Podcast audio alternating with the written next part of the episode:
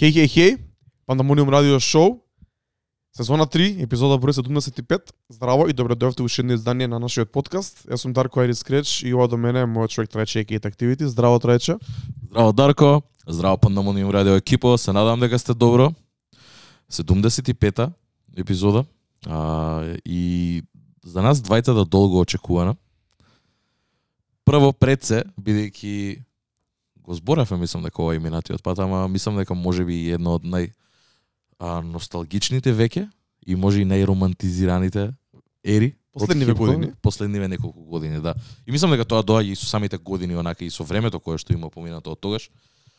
И мислам дека тоа се случува и сега и моментално низ хип-хоп последниве 2-3 години, онака како генералната слика е таква дека луѓе се поише и поише се носталгични кон тој кон тие времења, па има обиди да се враќат и ако не ви е јасно до сега до сега за што зборам, збориме за 2000-ти години, за таа ерата од 2000-та па од 2009-та би рекол, може би не 2010-та, веќе 2010-та се деси тој преокрет малце.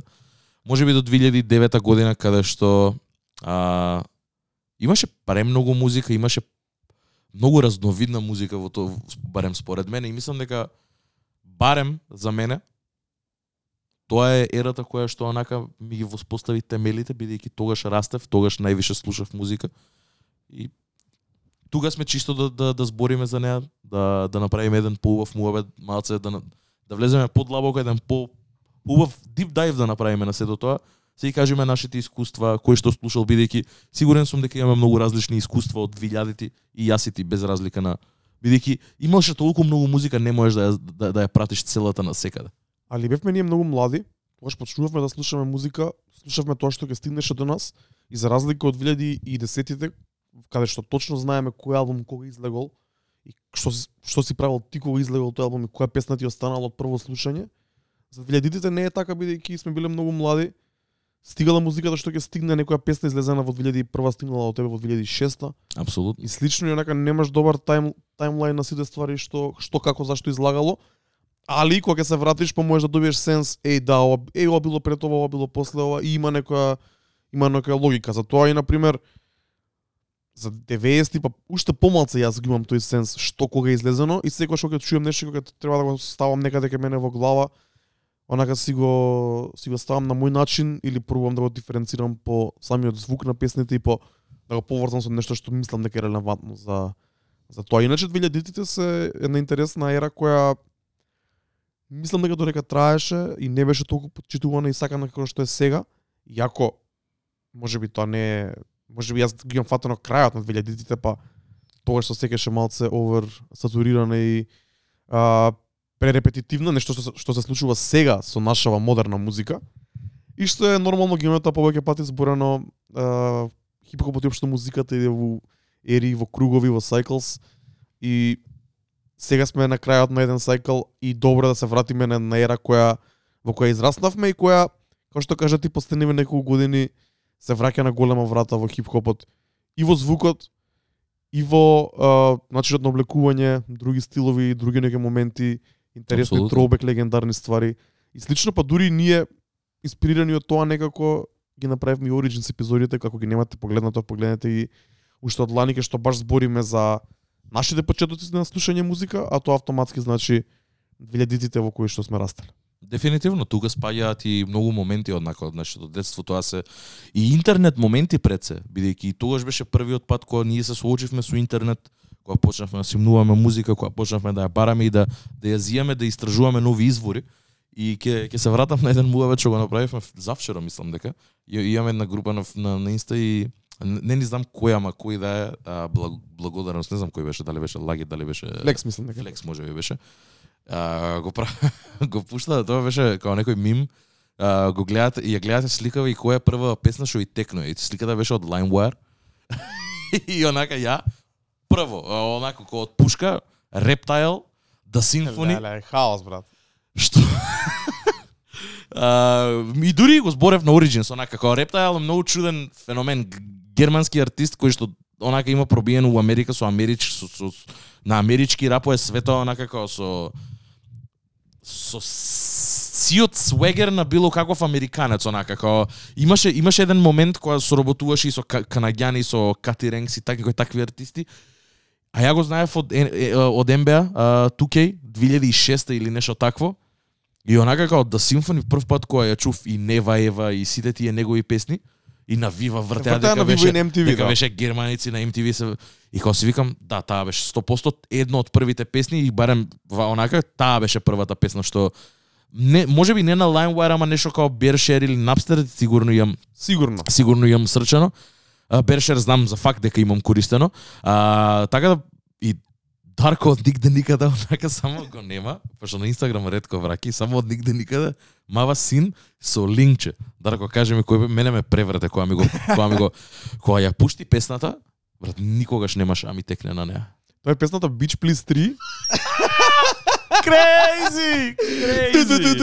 Crazy, crazy, crazy. Beach Please тројката, за кој не знае, а, Beach Please кецот и двојката се официјални верзии. Beach Please тројката е бутлек, меша под некој продуцент, некој диџеј, поима немам, што кружеше најверојатно на секаде ни светот кружеше на тие peer-to-peer сервиси како Каза и LimeWire. И беше многу интересно дека што се вика до ден денес не бев сигурен дали песната е официјално издание или не, бидејќи е као на Гајле ти е? бидејќи да, као прво гајле ми е. А као второ онака се појавуваат една она група на артисти кои тогаш не сум ни знаел дали може да, да, да, да бидат заедно, ама сега сваќам дека не може да бидат заедно. на Една песна.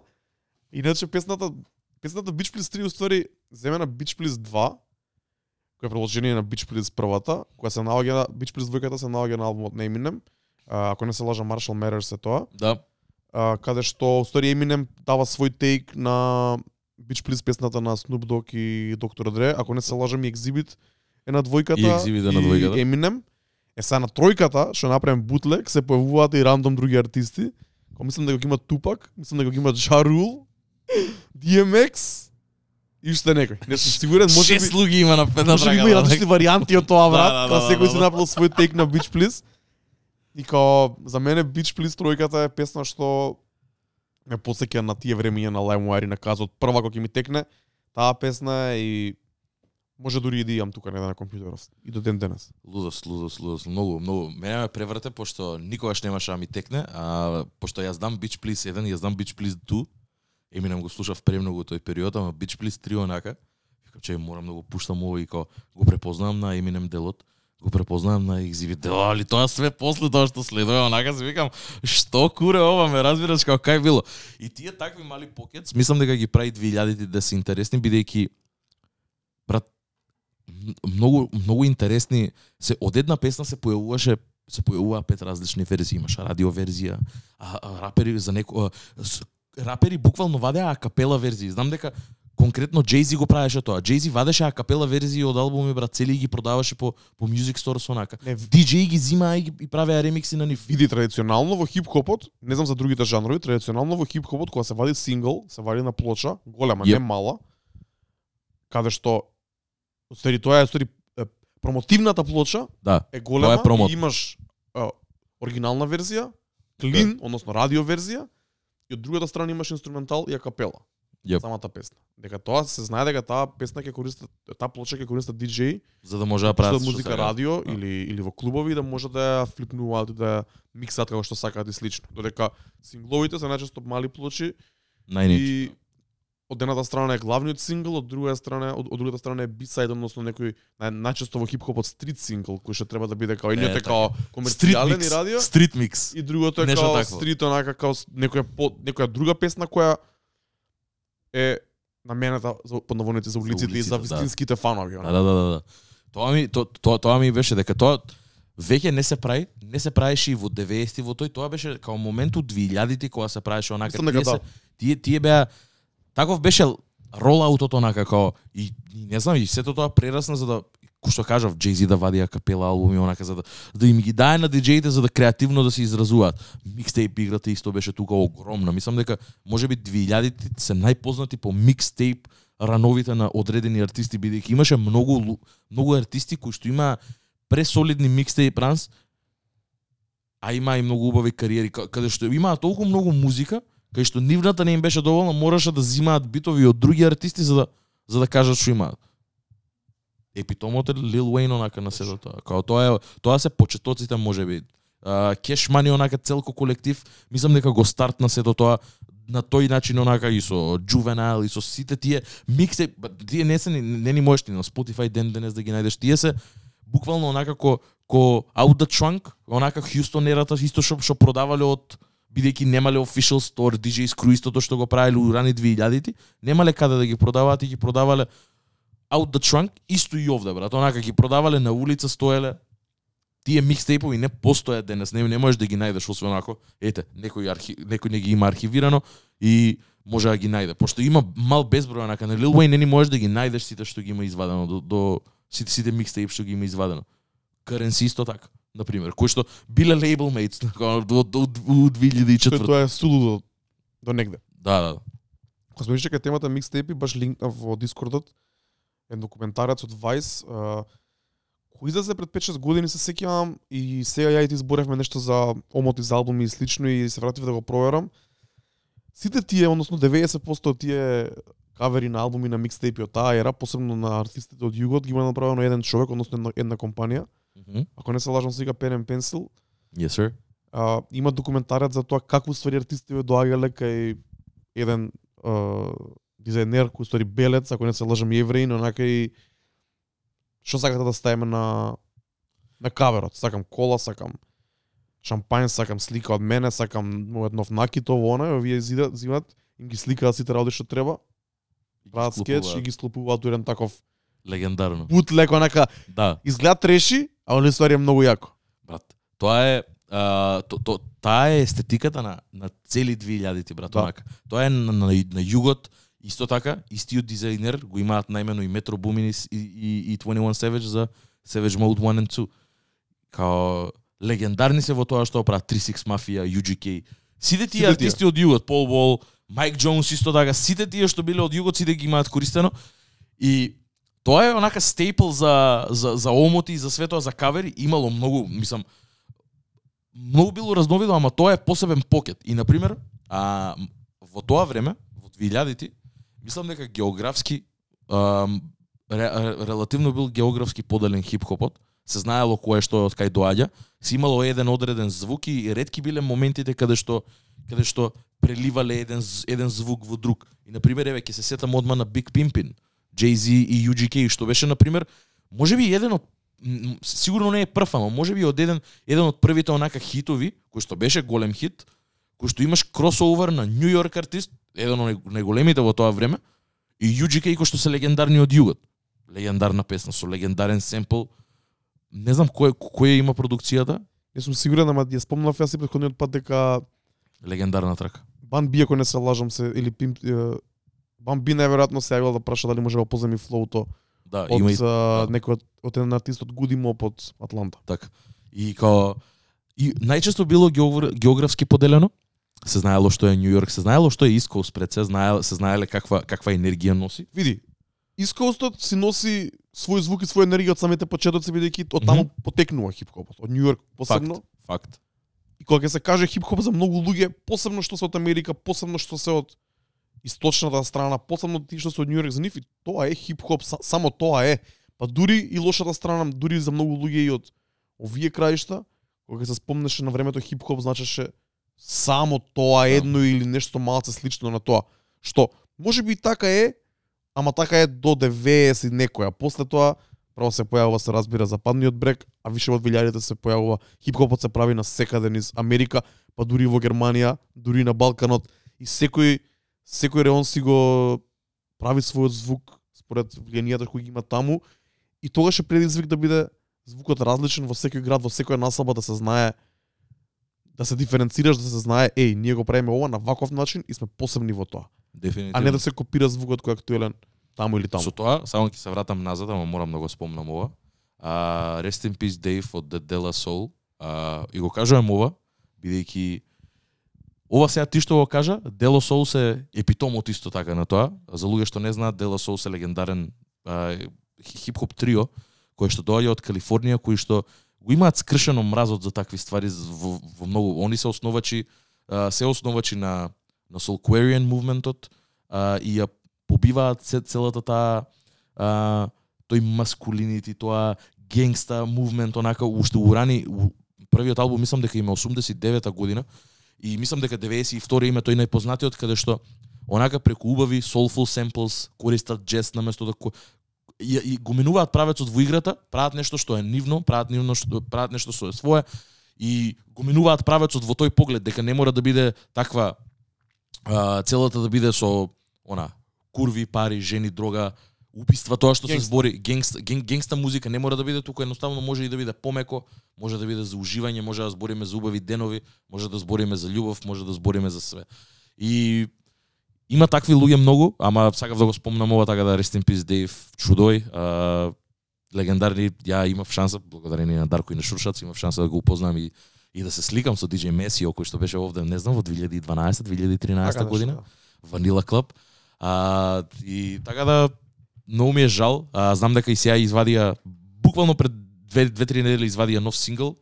А, и не знам дали имаат албум завршено и се надам еве кога ќе искочи дека ќе слушаме, ама да, имаше има имало од се од секогаш кога има и во, сек, во во сите тие ери на и на 90 и на 2000-ти, посебно на 2000-ти кај што 2000-ти веќе се се се чувствува тој а, крах на, на, на, на тој, тој имидж онака се појавуваат и мислам тоа почнало и пак кој што кажа Дарко, тоа почнало со Нью Йорк, мислам дека бидејќи Biggie Smalls, иако е многу традиционален во начинот на кој што музиката му е продуцирана, неговиот пристап кон неа и стварите за кои што ги збори е сосема поинаков неголи тоа што било во Голден Ерата, иако тој е еден од најозборуваните и најлегендарните хип-хоп артисти. Ама никој не го зема фактот дека Biggie was jiggy as fuck. Онака луксус at the peak of it. И Диди во 2000-ти и во, во касните 90-ти, мислам дека само го продолжува сето тоа. И со Мейс, и со сите негови други артисти. Bad Boy Records станува една таква сила и мислам дека на пример заради тоа и 2000-ти кога ќе спомнеме, одма потсеќа на Нью Йорк, брат, дека најголемите хитови може ги има он, неговата куќа и одма ти влага некоја песна од него, ме разбираш? Еве конкретно I don't wanna know, као еве сега е. Едно од најголемите е моментално пак, Да, така? Да. И многу е тоа дека заради тоа кој што велиш, да, и за, ама од друга страна и е географски поделен дека Њу Јорк е епитомот, центарот на сето тоа, јадрото и ама не треба да се да се забораат и не смеат да се запостават сите други ствари што се имаат. Можеби на пример, еве зборевме и оф камера, зборевме и за West Coast дека можеби не се- има неколку албуми, моменти што West Coast и ги има дајано низ 2000-ти, ама повеќе се сведуе на југот, повеќе се сведуе на на истокот, ама мислам дека не смеат да бидат заборавени и тие мали покец онака моменти каде што си има дешавано многу големи и многу големи хитови си имаат десено и во и во југот и во западот онака генерално општо гледано е интернационална ствар, дури и као рептайл што го спомнав од Германија, ама Нью Йорк бил Нью Йорк was king, мислам дека у тоа време. Интересно е дека кога гледав е, ова една селекција на, од Double XL магазинот на најдобри издани и албуми е, во се, од секоја година во историјата на хип-хопот која во 2013 година хип-хопот славеше 40 години, оваа година славиме 50 години хип-хоп, Среќен роден ден хип што е огромен. Тоа е 11 август се смета првата журка на DJ Cool Herc. И ќе збориме за оваа тема, има многу за зборење у текот на целата година, оваа сезон, оваа сезона на Пандамониум, следната сезона на Пандамониум. Али мовото е дека почетокот на 2000-тите е некако продолжение на касните 90-ти и Нью Йорк е центарот на се тоа што се случува и се разбира западниот брег со Доктор Дре, Snoop Dogg и целиот целиот тој West Coast екзибит, целиот тој West Coast movement. Али на пример кон средината на 2000-тите се осеќа голем се осеќа поголем шифт и поголем поголем recognition на југот пред се што од другата страна од друга страна прави подлогата за појавата на трапот и на целиот тој нов бран Апсолутно. доаѓа во 2012 и за тоа и кога се појави таа музика за многу луѓе кои беа заглавени во 2002 или звукот од 99-та кој беше Pure New York и одеднаш се слушаат нешто што излезено во 2000 во 2012 звучи многу различно. Па се разбира дека звучи многу различно бидејќи има поминато многу време и ако ги игнорираш почетоците и корените на звукот од 2012 не можеш да го сватиш. А ако слушаш музика постојано, континуирано и као сватиш дека еј тука има некој нов бранд што можеби сега не ми се свија, ама за 2-3 години можеби ќе се искристализира и ќе го добие Така. својот прав звук Да. и своето заслужено внимание, а има логика ова е така бидејќи доаѓа од тука. Јап. Ако ти не си слушал никогаш 36 Mafia и Lil Wayne и Ки ти е чудно и ки ти е Juvenile и странно. секао ке што е ова? Брат, Да. ова е продолжение на тоа, само што Факт. било под радарот многу долго време, Факт. Не преку ноќ, ама за многу брзо време, онака испливува на површина и одеднаш го превзема целиот свет.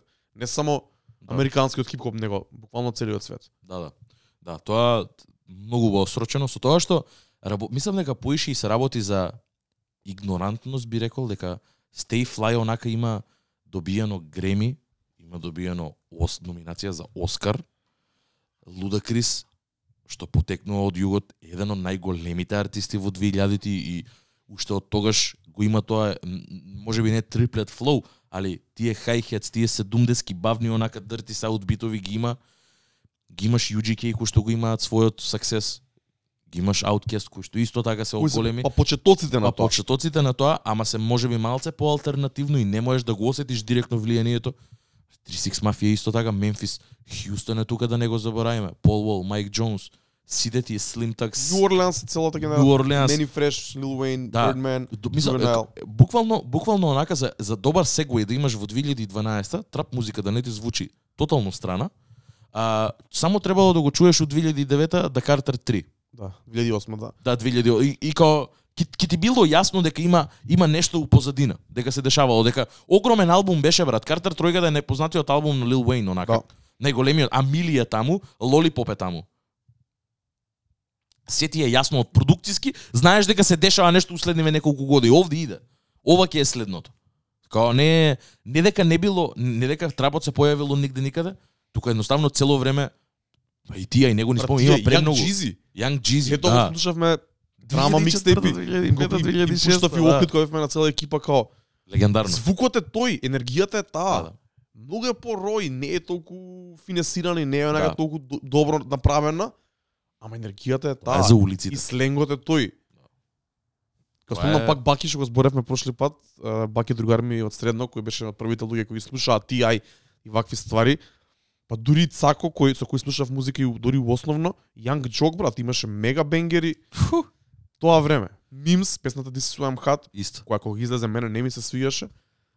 Мислам дека сите време- има сите имаат таков синеме дека дека дека беше од секаде се се што беше најпознато од секоја страна на Америка беше собрано и само склопено у една песна брат. И луѓе не знам како се осеќаа за тоа, ама ама ама беше огромен боб. И го истр... и- го издржа тестот на времето, брат. Го издржа, До ден денес е хит. Единствена му е, единствена му е дека ја, ја искрено Уште една like this. Ете, ја не знам друга мимс и песна, искрено ти кажам. Али, као, This is why I'm е лудница од трака. Лудница од трака, искрено ти кажам, онака и како е продуцирана и како се земени сите елементи, онака ме ме кефи многу, не знам како да ти објаснам, мило ми е, онака, све е собрано у една трака, брат, што е многу тешко да го направиш. И да го направиш со осет. Да. Направено е со осет. На, направено е со осет. Па дури има ремикс на Junior Raid, Jamaica ремикс, со исто така сакам да го пуштам и е добар момент. Уу. Да, еве, Дарко, да, да, мислам ќе стигневме до таму, ама а, ова мислам испоено и нормално, ама во четврток, станица 26, се дешава 2000 тимт журка, каде што Дарко и Панчо спремаат сетови, каде што ќе се вртат песни од 2000-ти, хитови од 2000-ти, бенгери од 2000-ти, slow jams, све тоа. Наши Све- умилени песни, кои не се пуштени долго време или можеби никогаш во Македонија. И а, со тоа, а, за да биде целата тема она се опфатна, има и дрескот кој што се надам дека ќе го испочитувате. Baggy jeans, baggy everything, Y2K стил. Облечете, облечете се дојде jiggy as fuck. Споминеме убаво. А, и не знам, искрено, ја не, не не, не, го- не го ни прашувам што ќе пушта онака оставени се сами на себе. Прехајпнат сум бидејќи ова го, зб- ова го збориме. А, да се облечеме кон Нели, онака да изгледаме. Пошто тоа се децата у нас. Не, онака, нема, немаше нешто поинтересно и поголемо достигнување од 2006 да си најдам широки фармерки и дрес кошаркарски. Тоа беше врвот, ме разбираш, и, и да се облечам раперски. Тоа беше онака пикот на на сето тоа. Со Дарко завчера уште која најавија журката и мислам безсвесен за журка дека ќе се дешава месец унапред, али си викам, леле Дарко и почнав да вадам стари слики, онака имам слики со 50 cent ланчиња, глупост. Дарко ми вика, најди го ланче. Мора да го најдеме тоа или да идеме да купиме ново. Каде ќе најдеме тоа? Беше купено у 2005 година на Тезга у Прилеп, брат. Не, Па сега исто може да се најде таму, брат. 100%. Или у шутка негде. 100%. 100% брат. 100%, али а, многу ми е мило ова, ова, оваа тематска журка ја имаме зборено безброј пати и многу ми е мило дека конечно се најде и простор и време да се деси. И мислам дека ќе биде се надам дека нема да биде и онака луѓе ќе ќе реагираат многу добро, на ќе споменат многу убаво. А, и пак ќе кажам дури и да не сте да не сте пораснале кон нас или на пример ко Панчо кој што или измеѓу некоја генерација која да. што кој што кои што биле in too deep у тоа време, као они они они тоаш биле 18-17 години брат кога кога го слушале тоа. Ја и ти сме биле по 10, така 12-13, што било многу многу поразлично ти на 18 години Точно. да слушаш Ludacris и да и на 13. Така да можам да претпоставам што значи за нив, знам што значи за нас, ко врсници, ама и доколку не сте пораснати во тоа време, верувам дека ако дојдете, ќе си поминете преубаво, бидејќи само треба да дојдете со отворен ум, треба да дојдете онака отворени за да чуете нова музика, да си поминете убаво, а вожњата ќе видат таму дефинитивно. Мислам дека као за вожња, тој звук 2000 ми е умилен онака. Као не е за журкање, журкање за има и такви песни каде што се песне, али е многу поинаква енергија, као такво е онака за да си дојдеш, пијачко у тебе и си дзензаш. Буквално дзензање. Се мрдаш, не ни мрдаш од место, степ бек, one two, онака си правиш, напред назад, лимбек, све тоа. Све тоа. Леле колку песни има од 2000-ти, кои што онака сакам да ги чујам. Исто така, инспирирано од сето тоа, му кажав и на Дарко, му викам брат, морам да направам плейлиста каде што ќе ги ставам све што ќе ми текне од 2000-ти и почнав да ја правам. И не знам брат за неполни 20 минути наставав с 5 и пол сати музика. Добро, сад. Сами течат брат, онака сами мисли течат, само ми доаѓаат песните брат. Ето плейлист, ето плейлист, ето плейлист. И тоа not even touching the surface онака на 2000-ти што значи. Ајде кажи ми што стаи поточно. Прво не, прво нешто, прво нешто. Која песна прва ја стаи? А, A Real N-Word од The Diplomats, Cameron, Jim Jones и Jules Santana. Ту ту ту ту ту. Класика, класика. Ова, ова го чув пред некое време и онага си викам, чекај ме малце, ја, ја знам песнава, ама од кај ја знам, зашо ми е толку многу позната. Ја немам чуено многу одамна, ама од кај ја знам песнава. И сватив дека уствари е семплот на Middle of the Ocean од Дрейк и од таму се поврзав и зашо Дрейк ги собра и ги викна на Ди- на Диаполо. Дрейк од секад имал огромна љубов за Дипсет. Дрейк е таков човек кој што многу пошто Дипломерик Immunity, така да... Исто така, исто така, албумот, ал, албумот на Dipset. А, втора песна е Dipset Anthem. Трета е Oh Boy, Cameron. Четврта песна е Shake Your Tail Feather, Murphy Lee, Nelly and Diddy. Bad Boys. Слична генерација, ама скрос различен саунд. Скрос различен саунд. Значи, I Need a Girl Part 2, исто така, веќе ја знаете. Ја знаете по неколку ремикси, а оваа година стана најпозната по оној ремиксот на искористениот семпл на песната Ferrari од James Hype, што е некаква тек хаус, комерцијален хаус. Дефинитивно. Always on Time, Rule Ashanti, Мене таа ми е втора на а, Spicy плейлистата. Fiesta, R. Kelly, Jay-Z, Може. Tang Song, Cisco, Добро, Classic, може. Може. classic. Може. Get Your Freak on Missy Elliott. Види колку различни ствари има. We Gon Make It, Jadakiss, Make It Clap, Busta Rhymes. Види кај све ми иде лумот, брат, у тој момент. Едно по друго се става ни рандом тракиве, онака. Поврзано е.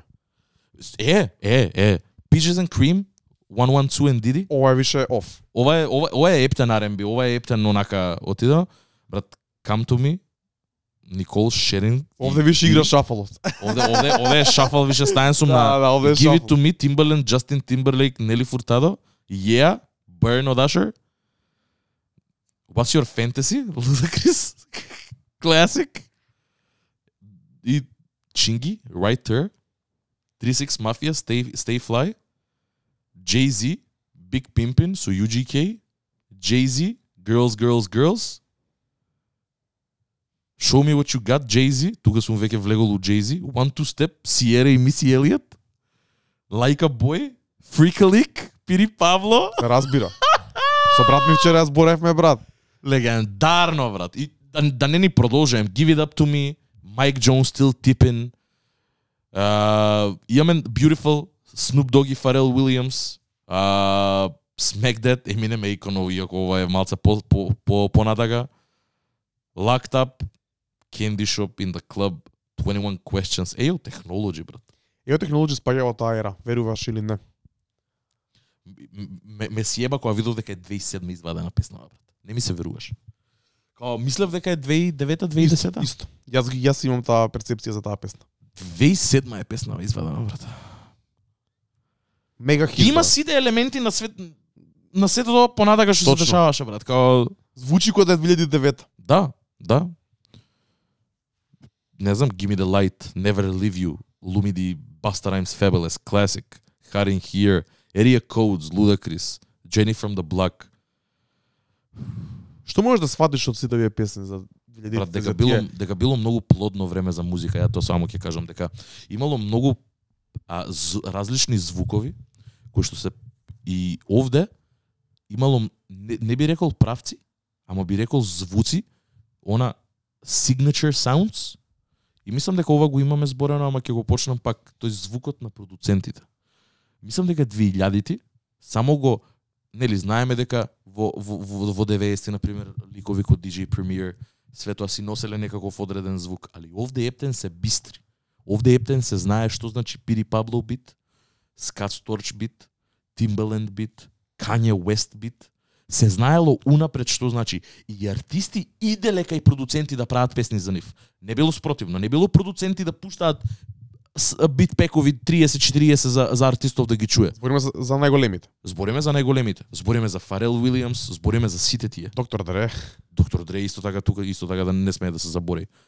Ама тие signature sounds ја ја имаат онака брендирано таа ера дека брат многу голем дел од битовите ако ги чуеш унапред знаеш од прилика од каде влечат. Можеби им, као, ако ако ако чуеш нешто од Cash Money унапред знаеш дека е Мени фреш. дека е мени фреш. Или ако чуеш Картер 3 или е Бангладеш или е нешто такво се појавуваат, не сега можеби Бангладеш е малце од поновите од 2000-ти, ама пак е тука.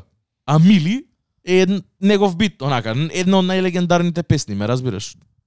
И Драма бој Бангладеш се појавуваат тогаш. Да, ти, ти, о, и они се они се на еден начин и пионери во тој звук, као со го, го продолжуваат и уште со поише енергија додаваат на веќе продукцијата што има направено мени фреш што има онака воспоставено во кешмани, они ја зимаат и ја прават уште толку погласна брат.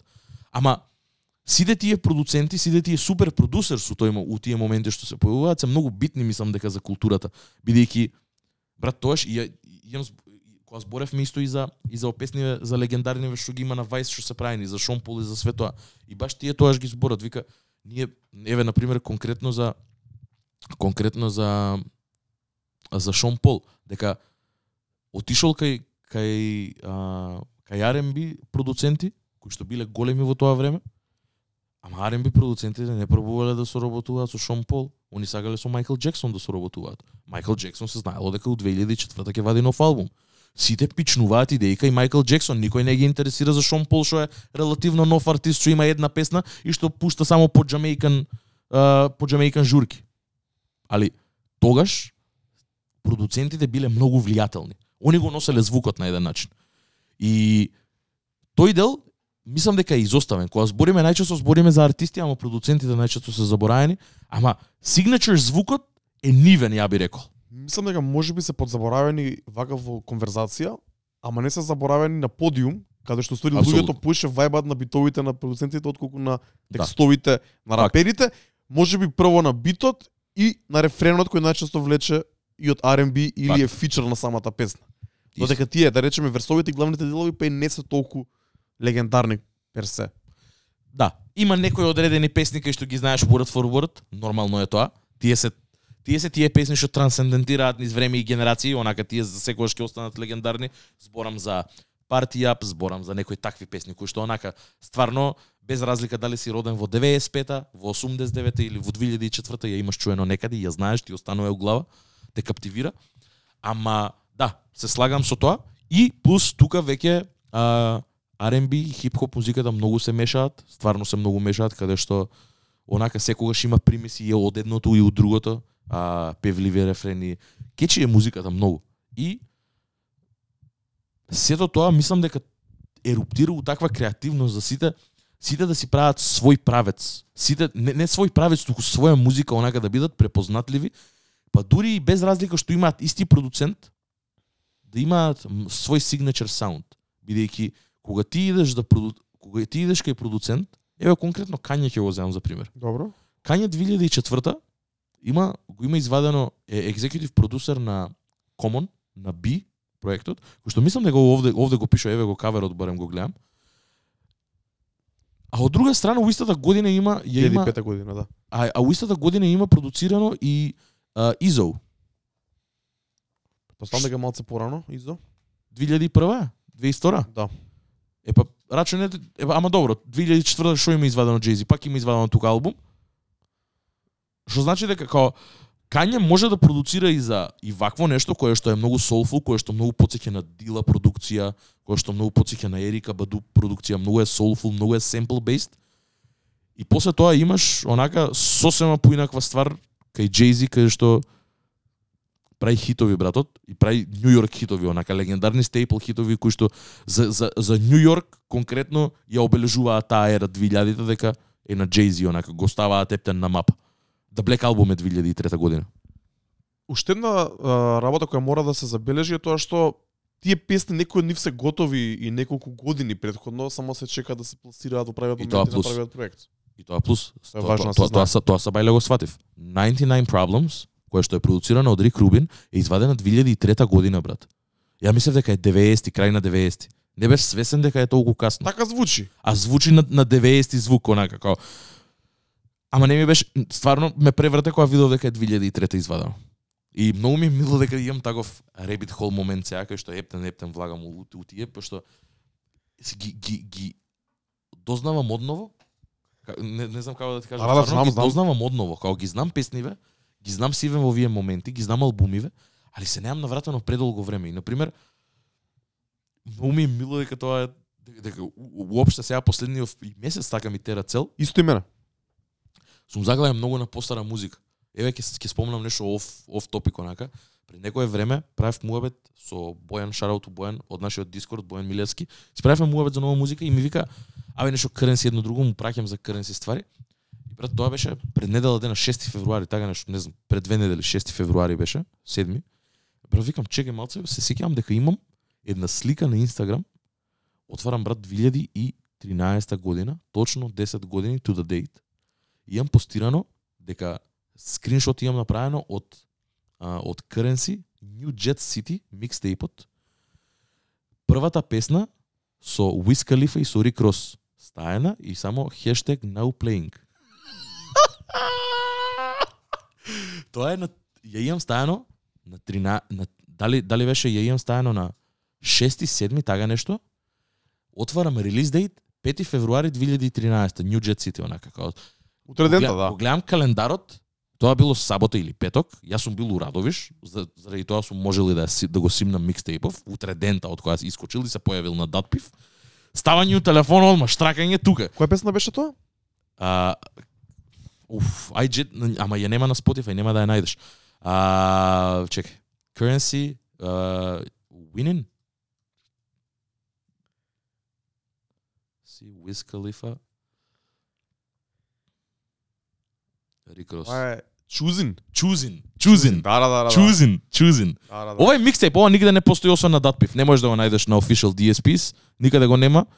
И као си викам, брат, као многу ми е мило дека сум дека ово сум го правил. Сум бил гиг за музика, ме разбираш и као и сега ова е нова е ова е старо нова ера и за мене пак ја дознавам од ново. Се враќам назад, се враќам у албуми, се враќам на Dipset, онака им Dipset нема слушано премногу време. Сега сум сега сум у тоа време кај што стварно сега сакам да слушам Deep, Dipset брат. Ја на Dipset се враќам еднаш годишно, имам по така една нерала фаза. Топ, Па тоа се треба. вратив лани, кога Тоа беше треба. Версусот. Да. Односно веќе е пред две години, значи предходното лето, не ова. Се вратив и тогаш се вратив и повеќе навлегов и Локс и D Block и целиот тој лейбл и целиот тој мувмент Нивен кој се појавил исто време со Dipset да е малце потврд и малце по стрит. Лудница.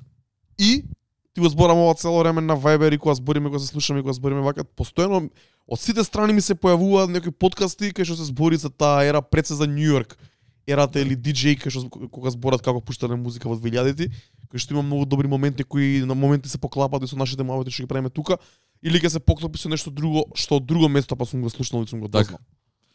Да, И се прави некако full circle момент цело време, цело време таму некако не носи не носи патов последни Да, последни да, да, да, да. И мислам дека е ис- исто тоа, конкретно збориме за Road Podcast што ми го прати тој снипет Сега ти го прави фова, ама зборевме и за Биги, Да. за DJ Nav, кој беше кој му беше DJ на Биги и претходните епизоди за Нью Йорк парти сцената и е, Све The тоа. Tunnel и се Да, тоа. да, да, да. Пак Master Flex кога зборевме за микстейп и слично. Да, и тоа беше многу добар момент и на пример као а, исто така во 2000-ти можеби највише се истакнати и тие регионалните хитови што не смее да се забораат. Е па тоа мислам дека е поврзано за тоа сакав и да се вратиме малце на темата која ја начна ти. Тоа е се поврзано со тој посебен звук и таа географска оддалеченост.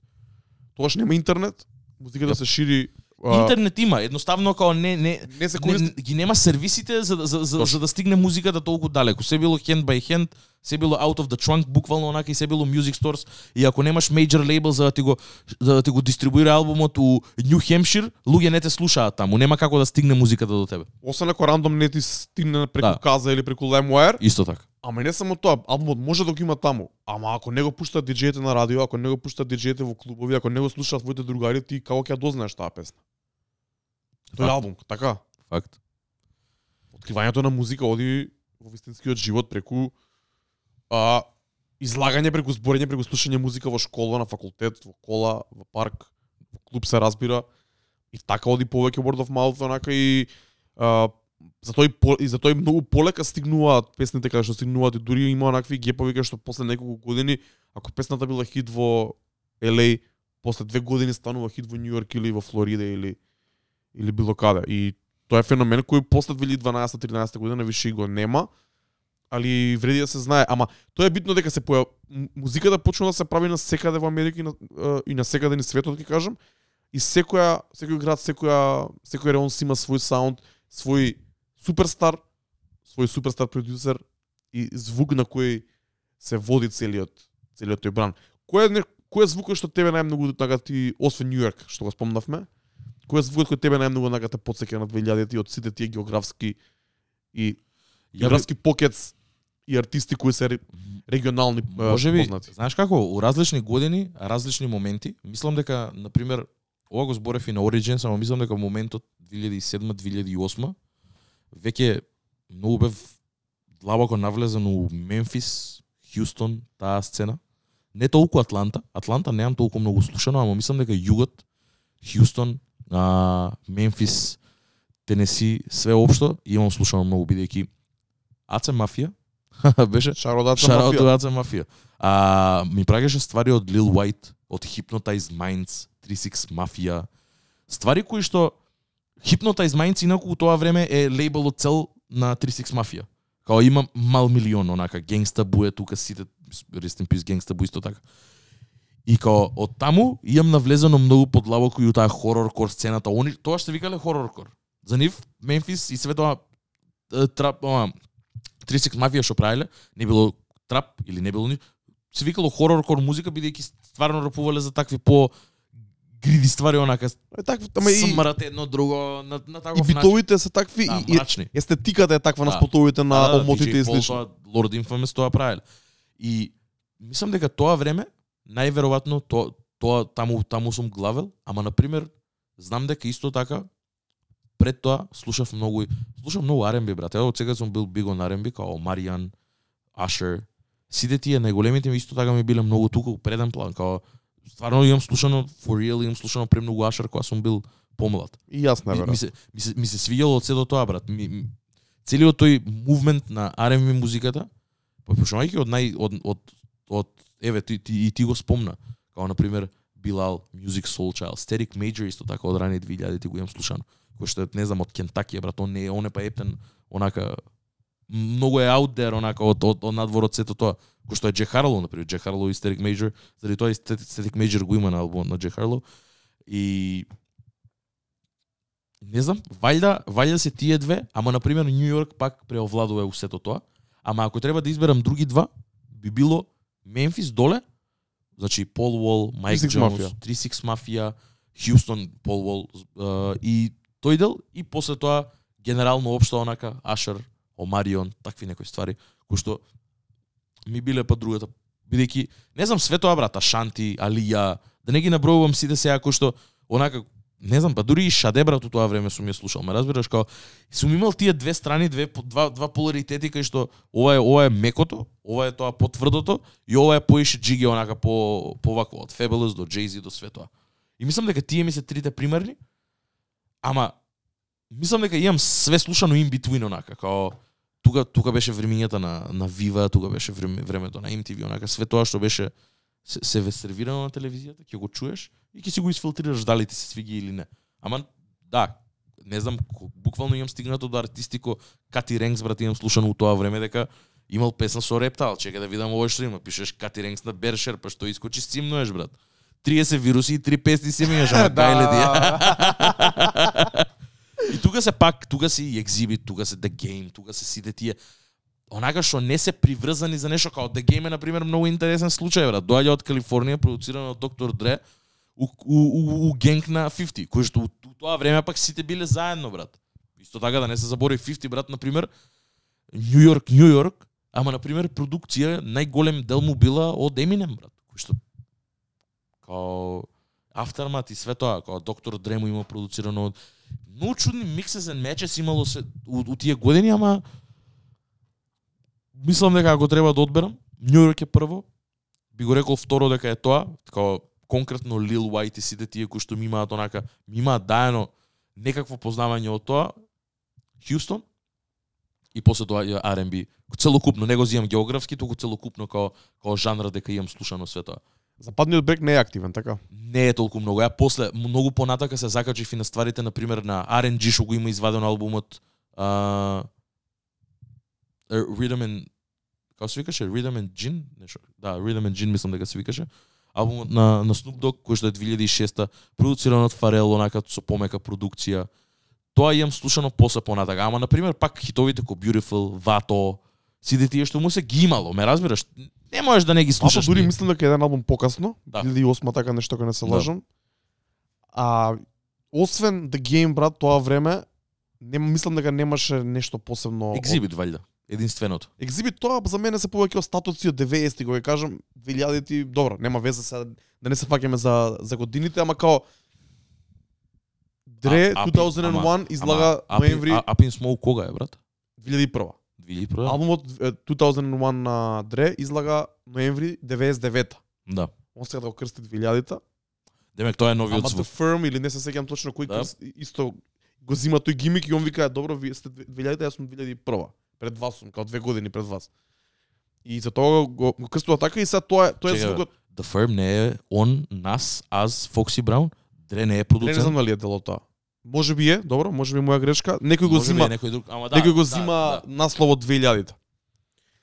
И а, тоа е онака пикот на West Coast кај што после 90-ти, после NWA Да. и се тоа, па дури Ice Cube, ти ми ја прати од Сабеле песната You Can Do It. You can do it, брат. Леле. Ама тоа е 2000-та година, негде, да, така? Да, да. Тоа се ве, многу Тоа- рани тоа 2000-ти, се тоа рани се 2000-ти. остатоци од 90-ти кај што, што се преливаат после во Да. 2000 2000 Единственото нешто што ме потсеќа на West Coast е исто така Ice Cube, Gangsta Rap Made Me Do It. Ама тоа е малце понатака. Тоа е веќе 2008-2009. Тоа му беше еден еден таков албум кај што The Game беше единствениот, како ќе кажеме единствениот толку голем Да. артист во средината на 2000-тите кој стигаше до нас и кој го слушавме религиозно бидејќи го слушавме религиозно и 50 Cent и G-Unity која Дре и Eminem и 50 ќе кажат дека The Game е следниот следната голема ствар од LA. Нормално дека го слушаш и го кажав овој на Origins, али неговиот деби албум The Documentary ми е еден од најбелените албуми на сите времиња и еден од ретките албуми што ги знам буквално на памет од, од прва до последна песна. И таму има бенгери, таму има продукција од Kanye, таму има продукција и од Dre, има гостување од Busta Rhymes, од 50, од многу артисти, као онака фул комплетен 18 песни албум All Hits No Misses. само да се навратам за, да- за, за да го нас, AZ, Foxy Brown, Кормега, сите продуцирани од Доктор Дре и Стив Стаут. Тоа е The Firm. Тоа е The Firm. Моја Така да имам да има има уште еден Nature, ама сигурно е не- некој друг колектив. Може би. Има, знам дека има еден албум што се вика тута, ама не знам кој е, не ми текнува, не можам да се седам, ама ја знам причата за тоа. Знам дека та, 2001 не е изваден, не е изваден уствари од 2001 дека е, дека е години уназад изваден. 99 ноември тоа, Да, тоа, тоа е скоро, скоро и 2000, да. да. Ама пак тоа е тоа е друг звук. Таму е експлозив, така? Да. Таму е експлозив, да. Тоа е тоа, тоа е пикот на доктор Дре и после тоа онака се малце малце таа продукција влага у даунхил. У смисла не е толку е the forefront. Тука се појавуваат више други големи, многу големи артисти. И Дресо работува со Scott Storch за песните као Let Me Blow Your Mind од Eve, Исто да. uh, Affair од Mary J. Blige, How We Do, 50 Cent и такви ствари, што е да речеме по crossover sound и по модерен саунд во споредба со тој претходно. Дефинитивно, да. Да, да, овде комерцијалниот звук е многу е та forefront овде. Овде Вратаме има- и 2000-тите е се е ерата кога хип-хопот станува глобално познат. Да, да, да. да. Пред се Факт. тука на прво место е Eminem, бар за кај нас Факт. и секаде каде што има повеќе белци во светов. Нормално. Почеток почетокот на 2000-тите, ама се разбира претходно и Тупак и Биги, целата таа драма и несрекни случаи околу нив, се разбира Snoop, нас кои остануваат живи, Jay-Z, али Eminem 50, бар за Македонија сум сигурен дека многу од луѓето почнале да слушаат музика со тоа. И кога сме биле деца, основно тоа брат. било музиката која се слуша. Или слушаш тоа или или слушаш нешто како Linkin Park и За наши врсници Eminem, 50 и буквално Linkin Park албумот со Jay-Z можеби ти е првото првото искуство со хип-хоп музика. И тоа не треба не, не тоа не е не е ни срамно, тоа не го велам за лошо. не бе брат, ама Тоа е едноставно е. тоа ти било уши, тоа ти било сервирано и на телевизија и на све тоа, као не си имал избор онака, бидејќи то ти тие биле најголемите артисти у тоа време. Некаде читав за ова, имаше некој баш се прашуваа меѓу себе као дали Дрейк или Eminem е поголем во поглед на инфлуенс. И овде го зборев, ова го зборевме и на Дискорд кај нас. И сватив дека Eminem во инфлуенс на светска сцена, каде што ги има пробиено вратите за хип-хоп музиката на многу маркети, е многу повлијателен него ли било кој друг. И тоа е факт. Дека стварно на еден начин го има земено од Америка и го има проширено на, на цел свет. О- Може би голем дел дека е белец, ама музиката тој кој што ја прави, а е хип-хоп, е многу по прифатлива за било кој друг што не е афроамериканец и не е од Америка. Као поблиску е до тебе.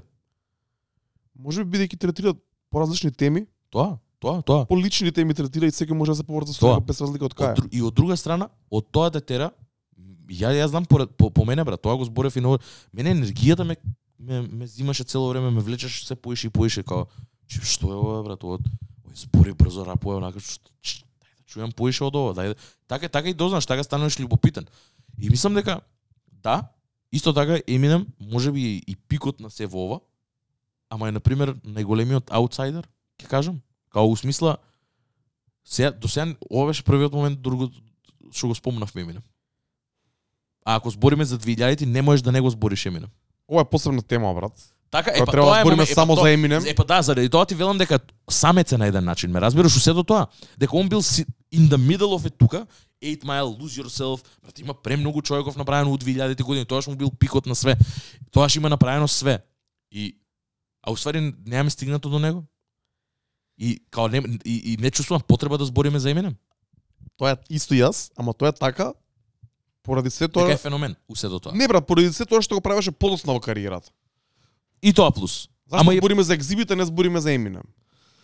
Не, не, апсолутно. Eminem сам се има заебано и сам се има Да, заебано сам се има кариерата и својата репутација, да. брат. Факт. Кај нас како големи хип-хоп фанови, значи ние го држиме Eminem у high regard за нашето за, за, за значењето негово во нашите животи во 2002-2003 година. Факт. Ама тоа што го прави од 2015 година, од 2012 година е тешко срање и само е дамка на, на неговото творештво и неговата кариера како легенда во хип-хопот. Можам да се сложам. И онака се осеќаш дека не треба да збориш за него поради се тоа што прави покасно. Да, ама од друга страна и дека он не припаѓа у ништо од тоа до сега што зборевме.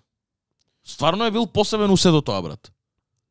Освен неколку production credits, Forgot About Dre и некои такви моменти, кои што биле по поише со комерцијален апил, неговите ствари ич не, не, не зву, да ги, да ги чуеш од прва, тотално да си онака игнорант, она aliens и така, немаш чуено музика никаква уопште. Добро. Ти пуштаат Eminem, ништо не ти звучи слично ко ко ко ко, ко, ко 50 Cent и ко овие други бе, брат. Не можеш да го поистоветуваш со со Нели брат. Не можеш. Нема допирна точка никаква освен тоа дека припаѓаат на истиот жанр. Заради тоа ти велам, од тој поглед е феномен дека неговите песни што се најголеми што се хитови, in the grand scheme of things не изгледаат кој ништо друго со хитовите што имаат искочени други у таа година. Ме разбираш? На толку се многу поразлични по страни.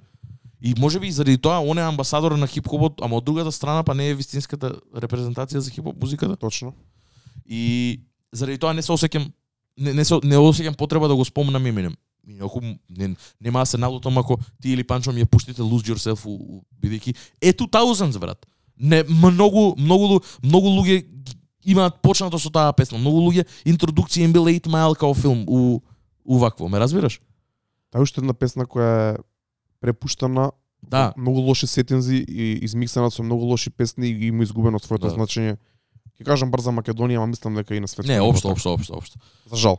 Општо, општо, Lose Yourself, Jump Around, сите тие, тие се тие се тие the usual suspects брат. Што се пуштани од Да, не дека се лоши песни, само више ми се стварно преку кур, онака како. Ама тоа е така бидејќи се пуштани на забави кои не биле хип-хоп забави многу долго време, посебно последниве Да. 10 години, брат.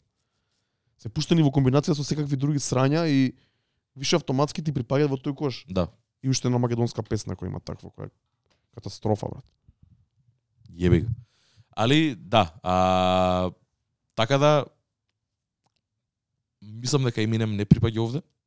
А барем во нашава конверзација моментално од тие причини кои што ги набрав за да бидејќи пак не ми е таа вистинска репрезентација на тоа што еве конкретно избориме за да се навраќаме од 2000 а избориме се надоврзуваме и на ете и на музиката која што ја спремаш и на сетот кој што го спремаш и каква енергија ќе има таму. Нема брат, јас сакав да ставам нешто од Eminem на мојата плейлиста.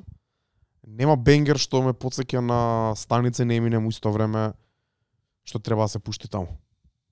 Нема. Real Slim Shady е 99 извадена бидејќи сингл за албумот кој излага во 2000-та. Да, Сега може да се да се цепи длач или да се така. или да се изигнорира тоа, ама као нема Lose Yourself не ми припаѓа во целата таа селекција, нема никак со, со што да ја спојам. Може би буквално единствената вака што ќе ми текне е Forgot About Dre. Да. Дека има трап бит, дека е таква бавна е. Треба да ја поврзам со Stay Fly и со Big Pimpin. И не, да, со такво нешто. Со такво нешто ќе треба. А може да се пушти бидејќи одамна се нема пуштено искрено. Да, или или нешто од Ludacris, нешто такво бавно онака. Е Area Codes, брат. Добро, Лудак серија кога се малце поинаков саунд. Не, не, не, не, поинаков саунд. Јас јас само го спомнав ко као се седи во ствари Ludacris колку ствари има направено у 2000-та, колку добри албуми има и колку сериозни хитови има онака и Екта Фул сите тие ствари што И големо влијание Fast and Furious. Fast and Furious исто така, да.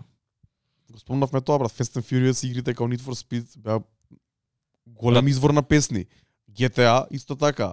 NBA, FIFA исто така. Сите, сите, сите, сите. Сите сите песни кои се нашли таму имаат многу големо културолошко значење, многу поголемо од само хип-хоп значење онака. Го памтам првиот момент кога ја инсталирав Need for Speed Underground 2, ја инсталирам, ја пуштам. Првото нешто што слушаме е ремиксот на The Doors, Riders on the А, да. Storm со Snoop Dogg. Леле, брат. А мислам дека таму се наоѓа и е, Get Low од, од Lil Jon. Да. Рум дум дум. Да, бе, брат, да сега да ги има. Има и такви многу чудни песни, онака од Young Jock има, од све има од тоа таму, брат. Има такви кранк некои класици кои што си кажеш, што е ова, бе, брат, како, како по... То, нели, тоа, исто, Лил Джон немаме спомнато, кранк. Ying Yang Twins ти ги спомна. Сакав да спомнам кога те прашав што ти слушаше, јас се, се подсеќам што јас слушав. За, јас, за мене, брат, кога бев млад, 50 беше тоа што слушав и G-Unit. Значи, Eminem, па после 50, G-Unit, тука е The Game, се разбира. Дипсет и сите тие ствари ги дознав малце покасно. Шарао до Мартин исто, Братучет ми, кој го спомнавме више, он беше огромен Дипсет фан и кога бевме ние деца брат со брат. Ја искрено не знам како стануваш у 2004-та Дипсет фан у Скопје, у Македонија, брат. Не знам, не, не знам кој ти е плагот за такво нешто, да ти каже Кемрон што прави у тоа време, брат. Предпоставувам дека цедињата и дека тие ствари стигале, ама дека можеби а, opinion makers кои биле тука тогаш, дали радио диџеите, дали клубските диџеи, можеби не го пуштале тоа бидејќи и не е слично со другата музика која ја пуштале бидејќи има уникатен звук и е многу пофлеши, е многу многу од работите кои тогашните uh, OGs и не ги Да. сакаат во хип-хопот. Да, да, да, апсолутно, апсолутно, апсолутно. Али онака се сеќавам, Джул Сантана се појави како младиот артист на Dipset, браточет ми многу го слушаше. Го ги знаев тие ствари, ама немав преслушано убаво Dipset. Се вратив на нив малце покасно, кога уствари и Джим Джонс ја, ја вади We, uh, We Stay Fly. Јоп, ле, ле, класик. Тоа е 2006-2007 Да, тој период на пример више поише знаев Джим Джонс, Кемрон, Кила Кем, неговиот албум Purple Haze 2004 Јоп. Тогаш се враќам поише на Dipset, али кога кога почнав да слушам беше Eminem, беше 50, CLG Unit, значи сите Lloyd Banks, Young Buck, Тони Јејо, си, беше во затвор, се разбира тука беше uh, The Game од западниот брег и после тоа почнав да слушам многу јужен звук. Young Jock го спомнав, Спиша Хаус ги спомна и ти, Стил Типин, значи Спиша Хаус, Майк Джонс, Пол Уол, легендарен. Лил Флип, песната Лил Флип со Исто Лија, да. Sunshine, која доби сега ремикс од страна Тайга, кој е многу лош, слушате го оригиналот, не, не го слушате ремиксот никако. Sunshine обавезно иде у четврток, као тоа за мене е онака Не, не, R&B так- 2000s, тоа е за мене тоа, онака, као Classic. саунд. Да, класик. А, значи, Нью Йорк и повеќе Down South, значи Атланта, Тоа ти велам. Хјустон, не, а, не толку Мемфис за мене, Да. тоа време, бидејќи може би не сум ни знаел за 36 Mafia и за целиот тој бран. Stay Fly секако. Поише ми стигале некои ствари као Lil Wayne може би мени фреш продукција Да, New да, да. Orleans отколку што ми стигал Не бе сосема разбирливо е тоа, брат. Ја Мемфис, бидејќи може би кажам- тоа е по underground звук. мене мене брат АЦ мафија ми беше интродукција у сето тоа. Човек го само директно длабокото Да, да, тоа. да, ептен као, еј, чуј го од ово, еве, ов, ја од овде ги зијам инструментали, тоа не ни правеше инструментали, брат. Он зимаше 36 мафија инструментали, го крадеше флоуто и пишуваше текстови на македонски со таква со, со, со таква дикција, брат. Со таква флоу, брат. Пишуваше текстови на македонски јазик, брат. Мене не ми беше јасно, брат. Не стои до мене, брат, као. Не стои до мене од Lil White. Песната се вика Oxycontin, брат, кај што рапува за секоја можна синтетичка дрога на песната, брат. Ја тоа го имам слушано од 2006 2007 година, ме разбираш како Не си ни разбирал ништо. 100%, да, да, да, гуглав бе, брат. Гуглав што е What is Oxycontin, брат. А бај тоа ќе ти дае, ама на пример Grinding од Clips пишуваш Grinding, Да, ти фали нешто друго као не, Да, да, да, немаше да. тогаш Да. Urban Dictionary. Е, Клипс немам слушано, искрено ќе ти кажам, Клипс многу, многу, многу по понатака слушав. Клипс, може би прво пуша ти го дозна, па после Клипс.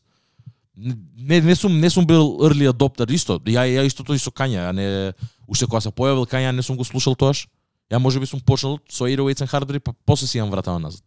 Као може би тоа ми било интродукцијата за Кање, после си имам вратено назад. Сум слушал песни може би, Песни, тие да. што биле не она неизбежни, али албуми кои албуми не. Јас сум слушал, брате, тоаш ми се свиеше тој Chicago Sound на Common и се тоа не знам ни. А може би слушал и G Dilla продукција, ама не ни знам дека сум слушал. Еба тоа, Ама ми станува многу чудно дека бев голем фан на тој саунд и на Талиб Куали и на се тоа, Добро, Black Star цело време. али одеднаш после тоа престанувам да ги слушам и почнам да слушам као трап и такви ствари што уште нема допирна точка со со нив и таму останува моето слушање на на тој стил. Мислам дека и сосема нормално тоа, брат. Мислам дека баш тоа е што баш тоа е баш тоа го имам кажано дека тие се годините кога сме буквално као сунгери, све абсорбираме и после тоа филтрираме онака све тоа што ни се свиѓа и не ни се свиѓа. Као и дури и ствариве што ги кажувам овде, што ги имам слушано, се многу површни. Кој знае што све имам слушано, брат? Ако навлезам у 2008 дека имам слушано Blue and Exile, Ричи Канинг дека го имам слушано од Сан Франциско, некои такви мали моменти, Не знам. тоа е више сосема поинако. Не знам колку можеш да слушаш, поради условите кои сме ги имале тогаш, бидејќи си ги слушал овие The Usual Suspects кои си ги симнувал на LimeWire кои биле најголемите хитови. Crank That Soulja Boy сигурно си имал на компјутер, бидејќи цел свет ја имаше. Нормално, овда, апсолутно. Апсолутно. И некои песни као, као Candy Shop и као Just a Little Bit of 50 Cent и појма немам. Али си може, може би си навлегал повеќе слуш- слушање албуми на тие артисти кои што си влегал Blue and Exile и слично. Ама Му слушав албум. Овде слушав хитови. се разбира, ти до, до нив си Да. можел да стигнеш. Да, да, тоа ми беше. Као Вини Пес, Block McCloud, Apathy, Self-Titled, Некро, Immortal Technic, тоа све беше албуми, албуми, албуми, и сам срли он брат. Тоа паралелно се слушаше заедно со ова. Ама таму беа албуми ги слушав, таму ги симнуев од блогови. Тоа ми беше подостапно да го симнам брат, бидејќи ги знаев страните кај да ги симнам брат. Него ли да симнам нели албум? Нели албум, не, не, Нели албум можеше да се купи тука, тоа беше добро. Да, ја немам купувано. физичка копија. Али Country Grammar, после си имам на врата, но онака е класика. Класика. Класика. Ама на пример, знаеш како? Бра, имам многу интересни, е тоаш главев и на Def Com, на Def на, на Def Comedy Jam. Се појавува рапери цело време имаше тука. Дейв Шапел цело време беше усоработа со Чекај, некој. тоа беше онако се тепа, не, како се не. она во ринг? Тоа е Анимирани кога се тепа? Celebrity match е тоа. Death Celebrity match. Леле, е тоа колку беше лудо. Да, анимирано. Тоа беше едно оки, ама со тепање, со крвиште, со глупости. Не знам, на, на WWE, на што што Не знам, немам. појма. Да, али Dead Celebrity Match се викаше тоа. Деф Comedy Jam е ком, као комичари се качуваат на сцена најпознатите братот. ама рапериве секад беа тука и као они намерно ќе ги спомнат сите тука исто така Ш- The Chappelle Show ќе се појават Mos Def од тука ги дознав сите тие имаше многу моменти кај што од многу од култура која што е допирна до хип-хопот имам дознаено многу рапери. Сол Уилјамс така го имам познаено, што е поет на пример онака од Деф Поетри Джем, каде што и Кањи има настапувано. Так има такви мали моменти многу, ама заради тоа ти викам тоа што сум бил многу љубопитен и сум слушал се и свашта. Ама кога доаѓа за комерцијална музика, мислам дека повеќе било сведена на синглови наместо албуми. После тоа си имам навраќано да да ги чујам и албумите од од сингловите. Ме разбираш као Кање 100% сум го знаел, сум го слушал, али никад не сум слушал, ќе ти излажам, могу ти кажам дека ја го имам слушано College Dropout, ме разбираш? Имам слушано се тоа, брат. Дори имаш и на Вали, е па вали да Лайв- напоинаков, лайв вали да верзија, напоинаков лайв начин верзија на Late Registration, која се викаше Late Orchestration, која беше лайв свирена со оркестар, ако не се лажам. Тоа е оној настап кога и A-Track настапува со со Kanye во па може би да и во Apollo, ако не се лажам, или негде во некој мал мал таков сетинг и се тоа е снимено, таму има песна со Адам Левин од Maroon 5 и некои такви такви джемс онака. Ама неговото значење ми, ми се смени многу кога се појави 2008, дури 2010 негде, тој период со други очи го гледав, претходно беше само уште еден артист. Да. Интересно е дека морам да спомнам ова за мене е топ 10 албуми. Ај нема да кажам на сите времења, ама сигурно на 2000-тите е топ 10 албуми. T-Pain, првиот албум на T-Pain, Рапа, Turned Sanga, значи репер turned Rapper singer. turn singer, да. И тоа онака таму се наоѓа песната I'm Sprung, која исто така се појави на неколку во неколку а, флипови последниве години од повеќе артисти и се најде на многу ремикси. Се сеќавам и на имаме на ремикс на Burna Boy песната Yes со семпл од, од, од I'm Sprung, легендарна песна која скрши многу а, бариери тогаш и за добро или за лошо го донесе аутотюнот на голема врата во на сцената. За добро. Јас исто така мислам. Не беше за лошо. Креираше цел Знаеки сега каде е аутотюнот, не може да е за лошо. креираше цел еден бран нов на музика и вака ретроспективно гледано од секогаш сум го сакал малце тој, тој по ќе кажам южен звук, ама не е тоа южен звук, него Мајами звук е тоа. Тоа е Мајами. не знам како како се класифицира и тогаш се појави Рик Рос брат, го слушавме и Рик Рос. Јас баш ба, од самите почетоци го го сакам Рик Рос и ми се свија онака. Значи, ја имав еден момент кој што исто така ме прероди. А, усредно, прв пат слушнав Рик Рос, Порт of Мајами, Кецот. 2006 Така нешто да. брат. Ми го пушта Стефан и ми кажува дека ова е извадено од 2006 а у тој момент буквално песната пред тоа беше Snapbacks and Tattoos. И кој ја осеќам продукцијава дека е многу слична, дека BPM-от е тој, дека темпото е тоа. Хајхетовите исто се појавуваат цк, цк, цк, цк, цк, цк, позадина све тоа. И си викам, окей, ова е трап. И сега си и правам конекција, а, ама 36 Mafia исто ова нешто слично прават. И тука прв пат дознаваш ти за трап музика од 2011-2010. Брат му тоа време живееше у Атланта, у Америка. Беше на факултет. И он цело време вика, брат ми не слуша, само вика јужни ствари слуша. Тука одма, дознавање све. Тука беше веќе моментот кај што Стефан ми даваше онака ствари, слушај, албуми и албуми, брат. Од брат му праќани на него, он на мене ми ги дава. И тоаш, на пример, ја веќе дознав и тука и за Рик Рос, и за MMG, и за све тоа. Од тука беше turning point, онака кај што веќе стана од Port of Miami веќе имаше Ross, имаше и Welcome to my hoodie, DJ Khaled веќе беше тука има, и има, све има. тоа. Ама T-Pain тоа што го направи, тој тој албум која година? Рапа Turned Sanga мислам дека 2005-та. Што не е ни многу далеку, као тоа е на средина на После да има уште кај што има поголеми хитови, ама тој е првиот кај што онака има поише радиски хитови, кај што експериментира со тој звук најверојатно T-Pain е 2007 легендарен мене ако ме прашаш. Знам дека има многу као многу многу е хейтан од страна на тоа исто, исто може исто исто можеш мада не толку ама можеш да го кажеш и за Flow Ride але мислам дека многу имаат направено посебно за тој звук бидејќи зедоа нешто што не брат последен пат кај што се сеќавам дека такво нешто роботски глас било искористено беше California Love Аха, да, добро. Ама тоа беше многу поинаков, тоа беше со тој тјубот што си го ставаат цевката у уста, што си го ставаат Луис Армстронг што го има правено у, у 70. Али ова беше можеби првото користење на аутотюн онака ко, ко, ко ствар за хип-хоп музиката со тотално ја смени играта и дае ново поле брат кај што може да се експериментира. Не може да е за лошо тоа брат. Не може да е за лошо, а не знам само ако ако ти не се адаптираш тоа ще е лошо. Само тогаш. Јас се слагам со тоа, брат, ама го кажав така дека знам дека има голем Не, не, Имаше порано голема екипа, дури Jay-Z направи песна. Death of of Autotune, Autotune. така. Запоси и тој да се адапне на сето тоа. Не и of Autotune е колку е 2009 така нешто, тоа е 2008-2009. 2008-2009. Тоа е на Blueprint 3 ако не се лаш. На Blueprint 3 е тоа заедно со Empire State of Mind со све? Не, мислам дека е порано. Или албумот пред тоа? Не ми се верува да е на Или на тој American Gangster тој беше? албум е више нешто друго. Таму Не, више не, има и аутотюн, може би. Па брат, All of the Lights не е таму? Не знам сега, брат. Мислам дека е. Види, 2009 више се касни 2000 2000-ти. Ама и тие се дел од ерата.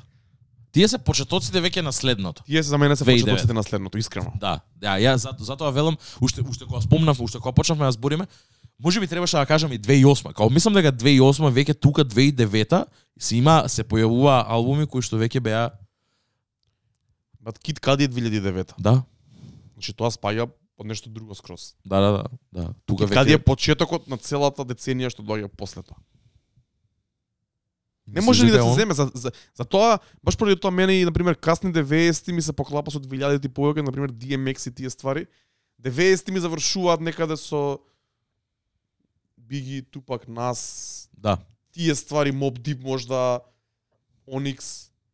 И за тука точно се појавува следно DMX е тоаш многу млад, ако не се лажам 99 или 98 му се најголемите хитови првите онака. Као како беше 99-та, 2000-та, 2001-та, тие му се три албуми кои што ги вади у многу брз Ама период. он онака спојше ми спаѓа во 2000-ти, Да. отколку во 90-ти. Бидејќи 90 има Tribe Called Quest, De La Soul, Го има го има тој. Outkast и има Tupac Biggie, uh, се тоа Види, што е Секоја секоја NWA, се тоа што го има во 90-ти. секоја ја би рекол дека секоја секоја декада има многу шаренила низ неа. Стварно, значи музиката е таква експеримент е пред се. Не можеш ти да го ставиш да го конформираш ти у нешто.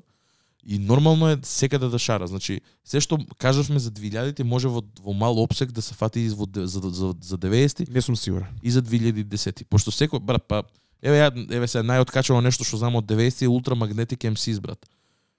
Супер херои правиле. MF Doom, брат, е исто така 90-ти. Ме да што било тотално пора. Може би тај бил, тој бил звукот, ама они па на друг начин биле поразлични од другите артисти. Ама 2000-ти некако ми се малце посебни бидејќи од сите можни аспекти и од звук, од продукција, од естетика, од рапери, као се облакаат. Што зборот? Све се менја, брат. Тука веќе све се менува, има јасна градација и онака прогресија кон кон веќе 2008, брат, 2008 е 808 and Heartbreak. Да. Turning Point, брат. Turning Point. Тука тука има и тој легендарниот момент кај што Кања го победува 50 и све тоа. Се, нели, генгстер рапот умре, еве го ова. 2007 година е Тоа е тоа. 2007. 50 го вади Curtis албумот, а, Kanye го вади Со AO технологија Graduation на изден. на издан. И 50 Абе има, абе имаат има, има го има тоа седнати се заедно у студио бе брат. Имаат и интервју после го вадат албумот се седнуваат, прават муабет и на шоу некоја брат. У Њу Йорк седнати и Го немам двајца. видено тоа, ама као тоа е 50 оној трол кој што и денес и они Целата кариера му е него базирано на Јап. бифи на дисови за други артисти и други луѓе општо. Она не трол кај што го заебава Кање, као абе ти носиш розови маички, вагов таков, си нема везе. А Кање си Кање и Да. и true to himself. И морам да признам, јавев на страната на 50 тогаш. Нормално. Ама Graduation е многу болј албум и апсолутно. после тоа онака си продолжувам да си го поштуем Кање, да си го сакам дорека 50 има уште еден албум што е окей со Down on Me таму од 2010 година негде и тоа е тоа. тој беше последниот. Да, Тој беше него тоа е тоа. После тоа кога Down on Me веќе имаш изведено кога доаѓа кај нас, нели? Да, ја настапуваш. Предпоставам дека да, можеби Да, таа била турнејата, таа била турнејата за Па да, албум. тоа, па тоа е Before I Self Destruct, тоа е албумот, мислам, таму е Down on Me тоа е последното нешто што го имам чуено од 50. Не, лажам, Hate Being Sober е последното нешто со Keef. Добро, и мислам се појавуваше по, по некој фичер од време на време, Да. ама тоа беше тоа. Ама да, Curtis, Cur- брат, EO технологија е на на Cur- е на Curtis. Као сериозен албум беше, огромен албум беше, Кања го победи. И со поише селс и со све и колку полегендарно стана и све. Болј албум. И после тоа следниот албум беше Heroics and Heartbreak.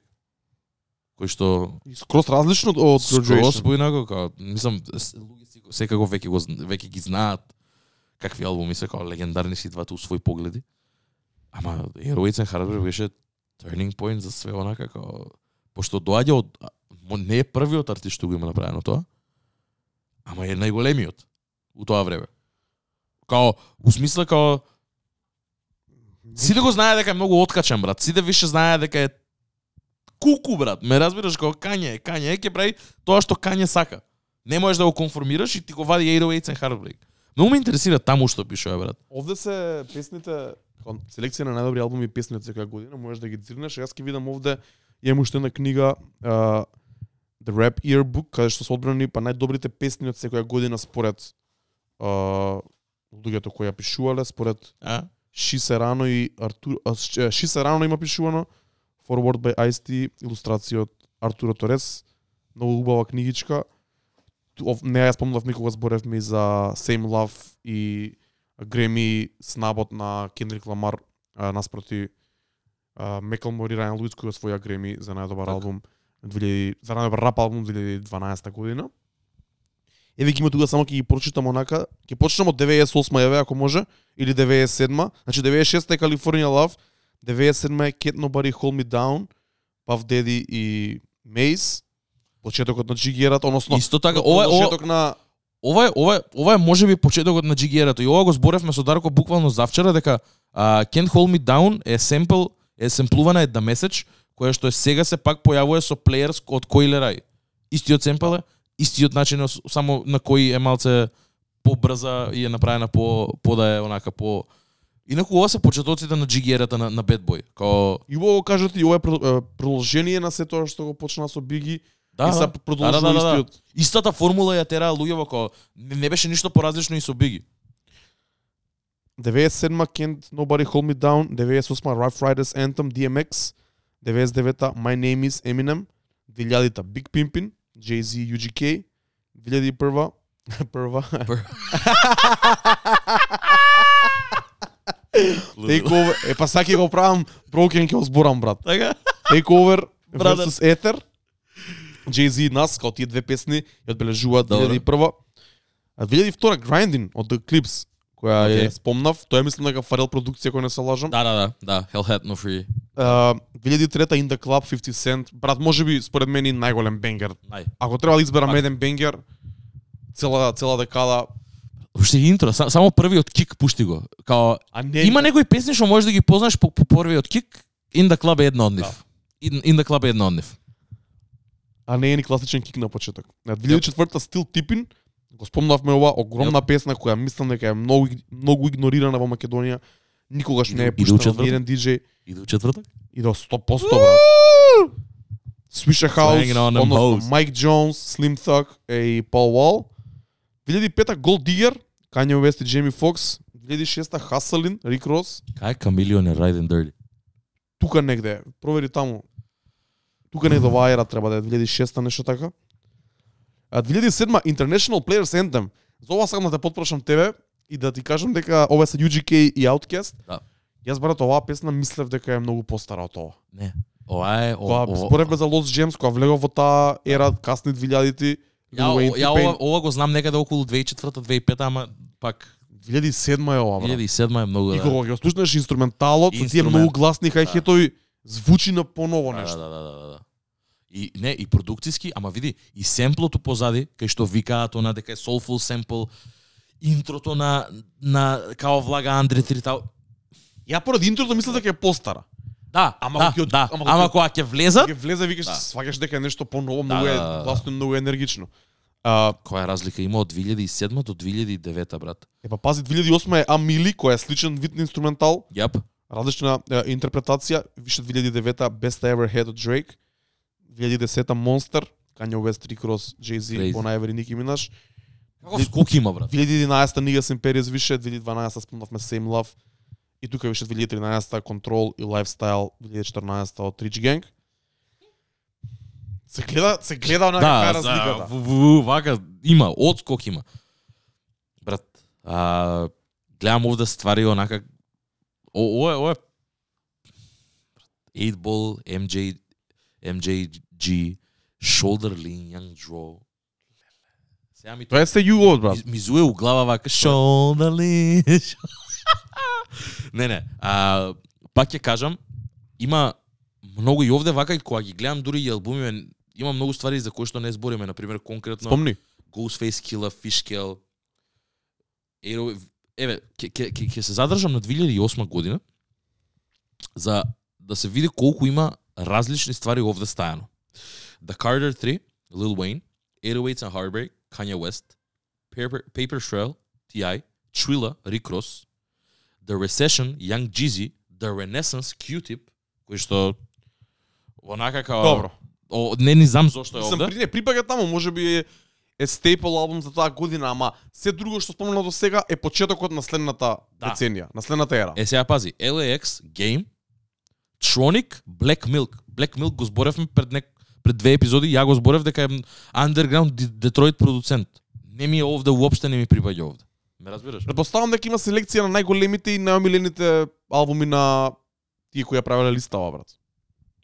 Untitled, Nas и I Pledge Allegiance to the Grind од Killer Mike. Овој албум го имам слушано многу по многу понатака кога дознав и за и за Run the Jewels и све. Исто така многу интересен звук, кој што има и трап елементи и све тоа. Ама тоа е Killer Mike. Али на пример, еве сега и овде го видов и немаше да ми текне ако не се позови, лупе фијаско исто така брат. Као Kick Push, The Cool. Ми личиш на човек што слушал Тупе Фиаско. Да, за ја, мој вкус секогаш бил многу бекпекерски, брат. Бе, ме- ме- мене мене Лупе Фиаско ми е можеби и хајлајт од тие години, ама заборев да го спомнам дека Food and Liquor ми беше еден од омилените албуми кој искочи. The Cool исто така го слушав премногу. Као Kick Push беше Kick Push беше на Тони Хок се најде. Кик Push беше на на на, на, на, на секој можен саундтрек кој имаше спорт, имаше и на NBA, имаше и на на Тони Хок. Touch the Sky исто така легендарна песна од тоа време која што Лупе Фиаско го има легендарен врс има таму онака така